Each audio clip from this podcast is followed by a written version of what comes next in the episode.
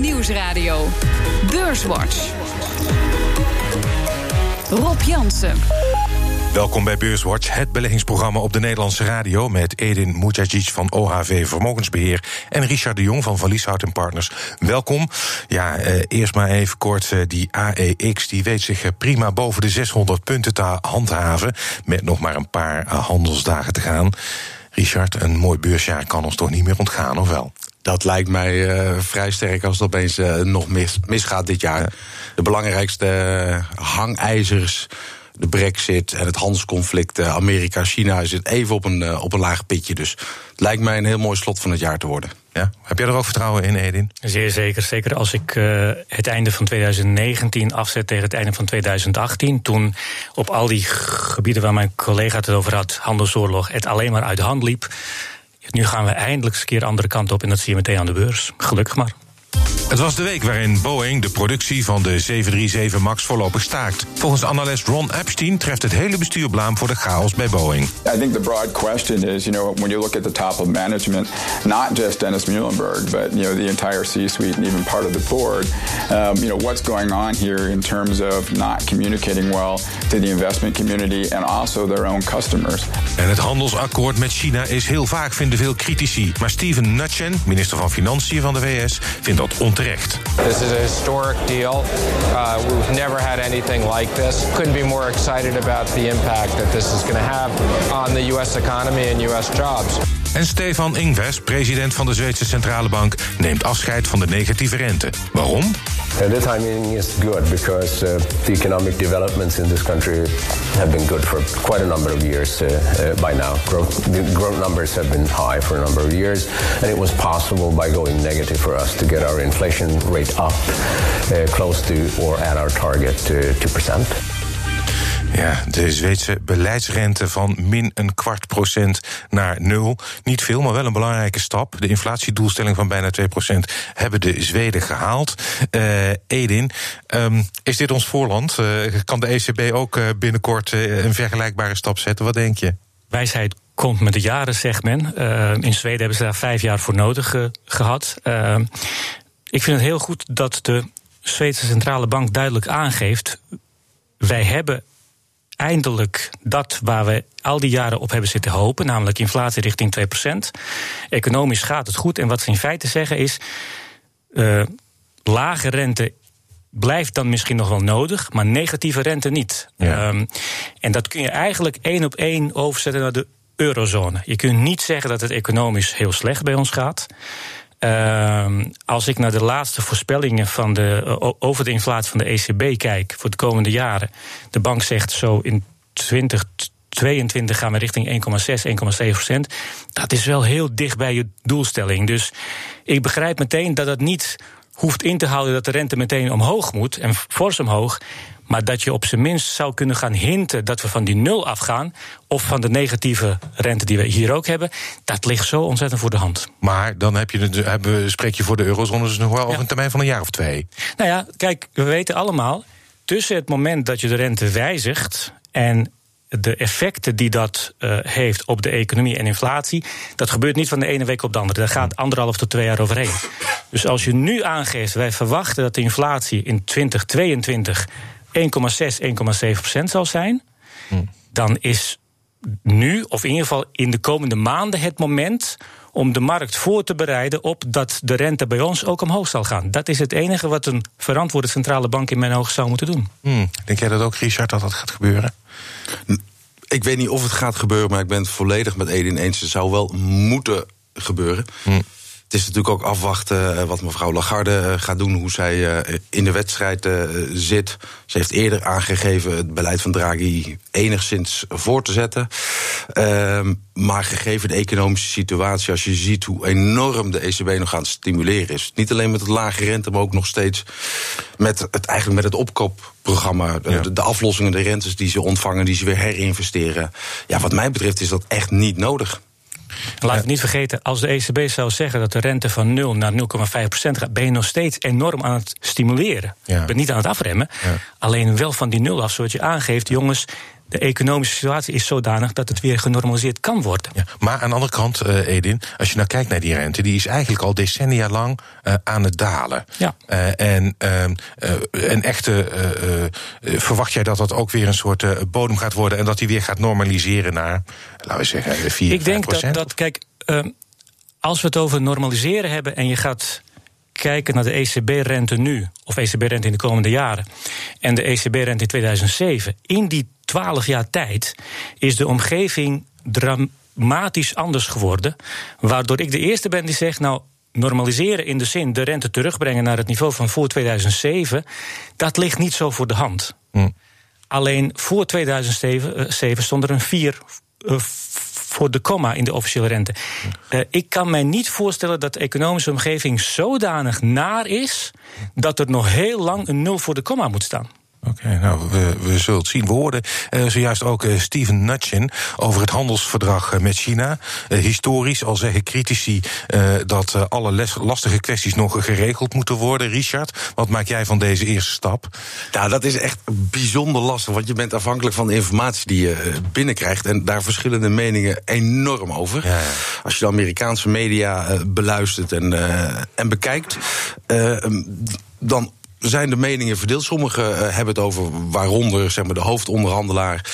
Dat de export in de nieuwe fase 1 deal, de export naar China gaat verdubbelen. Dus niet alleen die agrarische ja. producten die meer gekocht zouden worden, maar zelfs de export verdubbelen. De markt in China gaan open voor, uh, voor de financials, voor de banken, de verzekeraars. Dat zou echt geweldig nieuws zijn.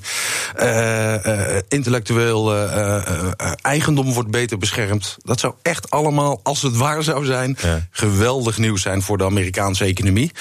Het enige vervelende is, dat zijn Amerikanen die Ja. dat zeggen. Onderhandelaars, minister van Financiën, media. Van Chinezen Chinese hoor- kant horen we hoort niks. helemaal niks. Heel vaag. Heel Ze vaag. zijn En- ontzettend vaag, ja. Het, het, het doet, en ik wil het niet doemdenken, maar het doet een beetje denken aan eh, eh, eh, mei van dit jaar. Ja. Toen hadden we een, een heel groot, allesomvattend deal, volgens mij 150 pagina's. En van de ene op een zaterdag was er een stuk tekst eh, niet goed.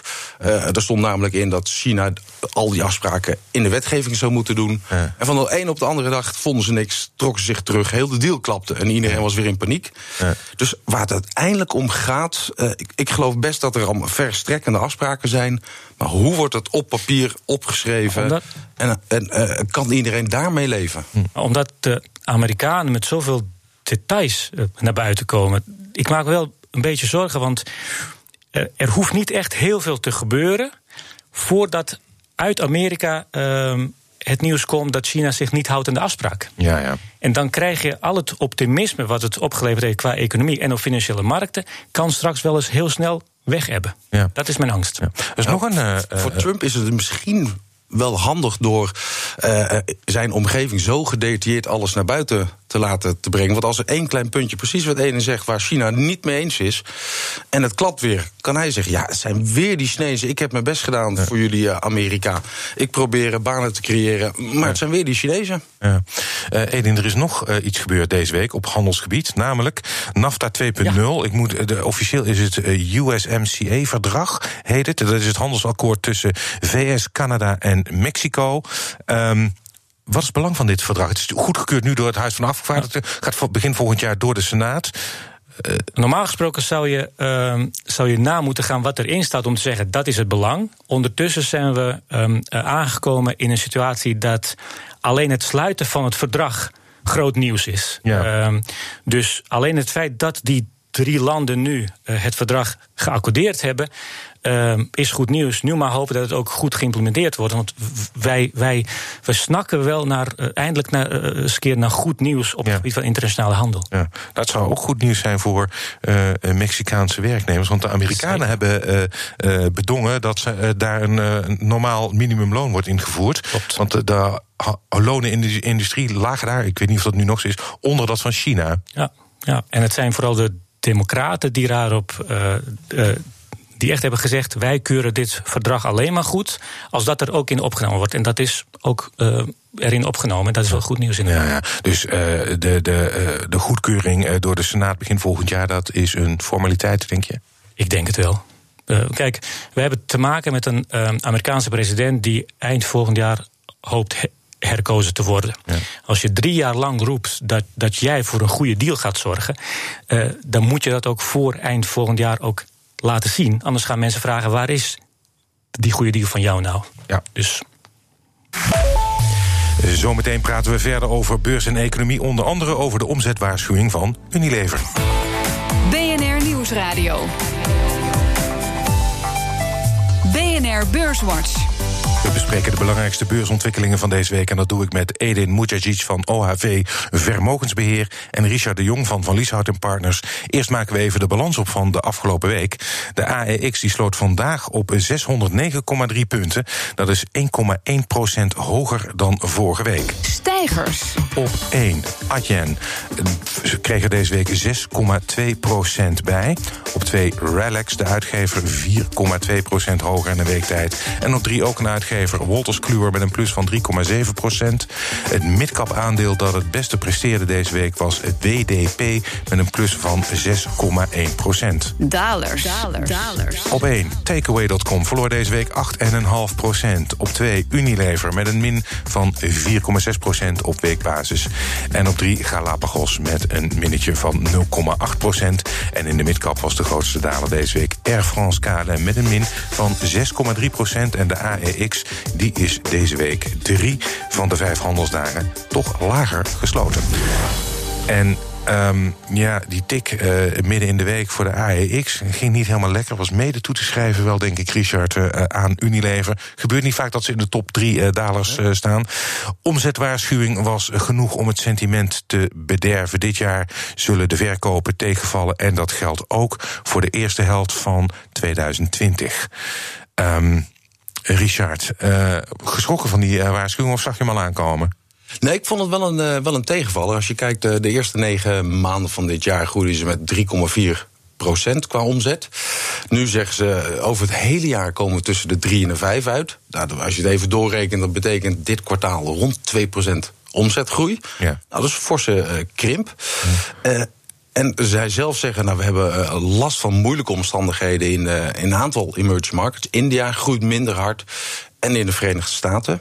Uh, als je dan naar de Verenigde Staten kijkt, hebben ze met name last van Procter Gamble. Ja. Want die zijn op grote schaal extra uh, marketingcampagnes aan het uitvoeren.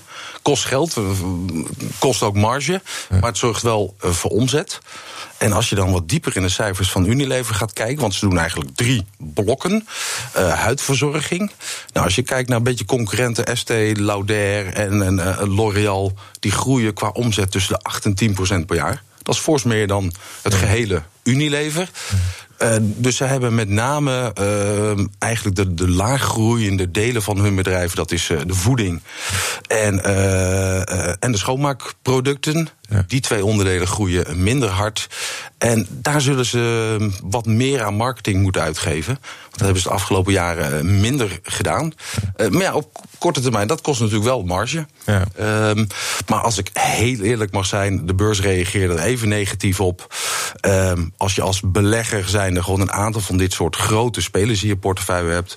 Uh, een Procter Gamble op het ene gebied, Unilever op het andere gebied, uh, Colgate op het andere gebied. Een hele mooie mix van huidverzorging en voeding heb je een prachtige portefeuille. Dus je zegt niet van, van dat aandeel uh, moet, er, uh, nee. moet er meteen uit? Nee, zeker niet. Beschouw dit nou echt als een, als een defensieve waarde in je portefeuille. Mooi dividend, 3,5 procent.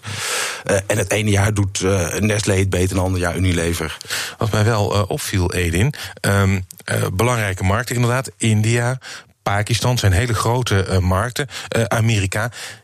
Je zou bijna zeggen, eh, als dat een afspiegeling is van de wereldeconomie, dan. Nou, uh... Kijk, uh, je hebt hier te maken met een macro-econoom. Dus ik kijk naar zo'n winstwaarschuwing of ja. omzetwaarschuwing. ook met de ogen, wat zegt het mij over, over dat hele macrobeeld? Hm. Um, en juist het feit dat ze zeggen, het gaat, het gaat minder goed. Niet in één markt, maar in, op meerdere markten.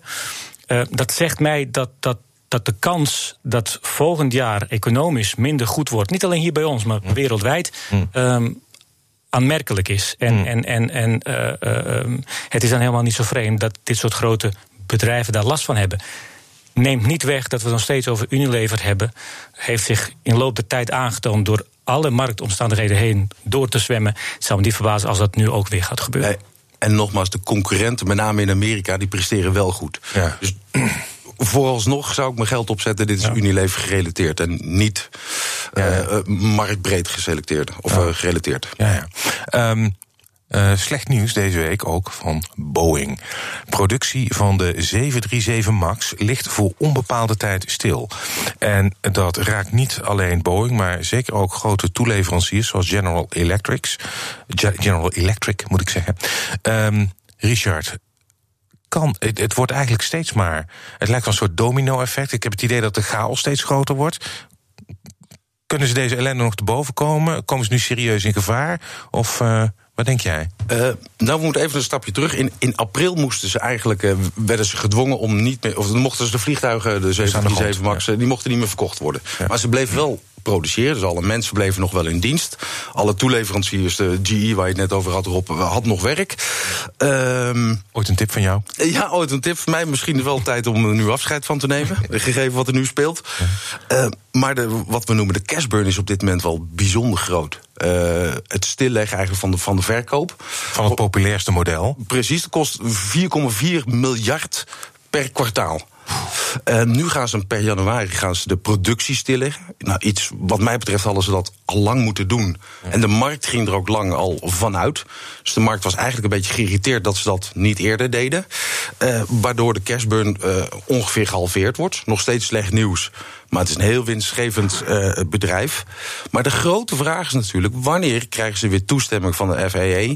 Wanneer mogen die vliegtuigen weer verkocht worden? Er staan er nu bijna 800 aan de grond ja. van die 737 MAX. Uh, de verwachting is dat het ergens einde van Q1, misschien begin Q2, uh, toestemming krijgt om te verkopen. Ja. Nou, dan moet je eerst natuurlijk die 800 uh, vliegtuigen uh, wegwerken. Ja. Maar dan gaat het weer snel, uh, snel beter natuurlijk. Maar hoe langer dit blijft duren, hoe slechter voor Boeing, hoe slechter voor de Amerikaanse economie. Ja. Maar dit is nou niet iets waarvan we zeggen, nou, Boeing staat op omvallen. Ja. dat gaat failliet. Maar het is wel zeker slecht nieuws. Het is grappig dat je zegt uh, Amerikaanse economie. Ik heb ook al berichten ge, gelezen, inderdaad, dat de problemen bij Boeing zo groot zijn. Boeing zelf, General Electric, andere ja. toeleveranciers, dat dat de Amerikaanse economie misschien wel in en, de groeicijfers gaat dragen. Wat denk jij? En dat Edin? in combinatie met het feit dat het bedrijf ontzettend belangrijk is voor de Amerikaanse overheid, met name de defensieindustrie. Is het in mijn ogen alleen maar wachten totdat de Amerikaanse overheid helpt. Amerikanen zijn er als eerste bij om andere landen aan te vallen als zij dat doen. Maar op het moment dat zo'n groot en belangrijk bedrijf voor Amerika in problemen komt, het zou me niet verbazen als diezelfde Amerikaanse overheid Boeing wel gaat helpen. Via opdrachten, via uh, direct en indirecte wegen. Dus ook Boeing too big to fail. Ja. Zou het hebben meegespeeld, uh, ook met de handelsovereenkomst? Weet, wie weet dat er straks in het document wat ze overeengekomen zijn met China, China gaat een heleboel investeren in luchtvaart, dat daar ook opgenomen is dat China heel veel vliegtuigen moet afnemen in de VS ja, van Boeing. Ja, en wat, wat ik, ik, ik, ik zit uiteraard niet bij die besprekingen en dergelijke. Maar ik ga ervan uit dat president Trump uh, al eerder wist uh, dat de toezichthouder uh, die productiebeperking eigenlijk aan het Daar ga ik ook was. Ja. Dat dit ook wel mee heeft geholpen in de timing. dat ook president Trump dacht: ja, er moet nu wel heel snel een deal gaan komen met China, want dit kost gewoon groei. Ja. Um, ik wil nog even heel kort, uh, als het kan, Richard, stilstaan. we hebben er niet veel tijd meer voor. de Amerikaanse pakjesbezorger FedEx. Voor de tweede keer dit jaar een winstwaarschuwing gegeven. Topman Frederick Smith zegt dat dat is vanwege significante uitdagingen en veranderingen voor FedEx. Wat, wat speelt daar? Wat is er aan de hand? Nou, ze hebben echt uh, best veel dingen gaan er op dit moment verkeerd. Uh, uh, ze hadden rekening gehouden met Cyber Monday. Dat ze 33 miljoen pakjes moesten vervoeren. Dat werden er 38 miljoen. Denk je, dat is toch goed nieuws? Ja. Maar dat betekent dat ze te weinig vervoersmiddelen hadden. Moesten ze duur inkopen, lonen verhogen, et cetera. En een hele belangrijke. Uh, ze mogen uh, Amazon de pakjes van derden. Dus niet ja. van Amazon zelf, maar uh, wat via Amazon ge gekocht of verkocht wordt van derde partijen. Ja. Dat mogen ze niet meer gaan vervoeren. En de reden, dus ze raken en een grote opdracht kwijt. En Amazon heeft er ook nog een schepje bovenop gegooid. Die heeft gewoon in de media gezegd: ja, FedEx, jullie presteerden gewoon te slecht, jullie waren te laat. Dus het is ook nog een keer negatieve uh, reclame. Ja. Vlak voor de kerstperiode ook nog eens. Ja. ja. dat is natuurlijk verschrikkelijk slecht nieuws voor zo'n FedEx. Ja. Um, Uh, het is uh, hoogste tijd uh, voor de tip voor de luisteraar. Um, die zit met smacht, smacht wachten op jullie tips. Edin, aan jou het woord. Ik ben een macro-econoom, ja. dus ehm, ik hou het vaag, zoals altijd. maar ik zou alleen willen zeggen, kijk... Eind vorig jaar hebben we gezien dat het niet goed ging op de financiële markt. En een heleboel mensen hadden de neiging om dat te extrapoleren naar. Nou, 2019 wordt helemaal niks. We hebben toen aangegeven daar is geen reden voor. We hebben gezien dat 2019 goed, uh, goed jaar is geweest. De laatste maanden van dit jaar zijn precies het spiegelbeeld van eind van vorig jaar. De koersen stijgen. Uh, het is feest op financiële markten. Ik zou, ik zou willen waarschuwen om dat nu ook weer niet door te trekken naar volgend jaar. Want volgend jaar ziet het er sterk naar uit dat het economisch minder wordt en op financiële markten ook. Helder, voorzichtig even met het lijntje doortrekken. Richard, wat is jouw tip voor het luisteraar? Uh, ik heb een tip eigenlijk uh, voor een korte termijn belegger. Het is niet geschikt voor een lange termijn uh, belegger. We hadden het net over het handelsconflict, China-Amerika, misschien een akkoord. Het enige wat we redelijk zeker weten is dat China meer agrarische producten gaat kopen. Een beetje twijfel over hoeveel. Nou, waarom gaat China dat doen? Uiteraard goede wil, maar ook heel simpel. Er is daar varkenspest. de varkensprijzen zijn er met 110% gestegen. De communistische partij is natuurlijk enorm bang voor voedselinflatie. Ehm, en dan hebben we een Amerikaans bedrijf, Tyson Foods. Dat is ook mijn tip. Wij beleggen er zelf niet in, want we vinden het uh, voor een lange termijn beleggen niet interessant. Maar Tyson Foods is de grootste exporteur van varkensvlees en kippenvlees. Nou, mocht er dus echt een handtekening komen onder, uh, onder het handelsakkoord. Uh, grote kans dat Tyson Foods een van de grootste verkopers van varkensvlees naar China zal worden. En dus ook een heel mooi korte termijn ritje wellicht in het verschiet. Dankjewel. Uh, aan jou, uh, Richard de Jong van, van Lieshout en Partners en Edin Mujagic van OHV Vermogensbeheer. Dit was uh, BNR Beurswatch en als u wilt reageren, dan kunt u een mail sturen naar beurswatch.bnr.nl of tweeten naar Rob Jansenbeurs. Terugluisteren kan via de site, de app, iTunes of Spotify en graag tot volgende week.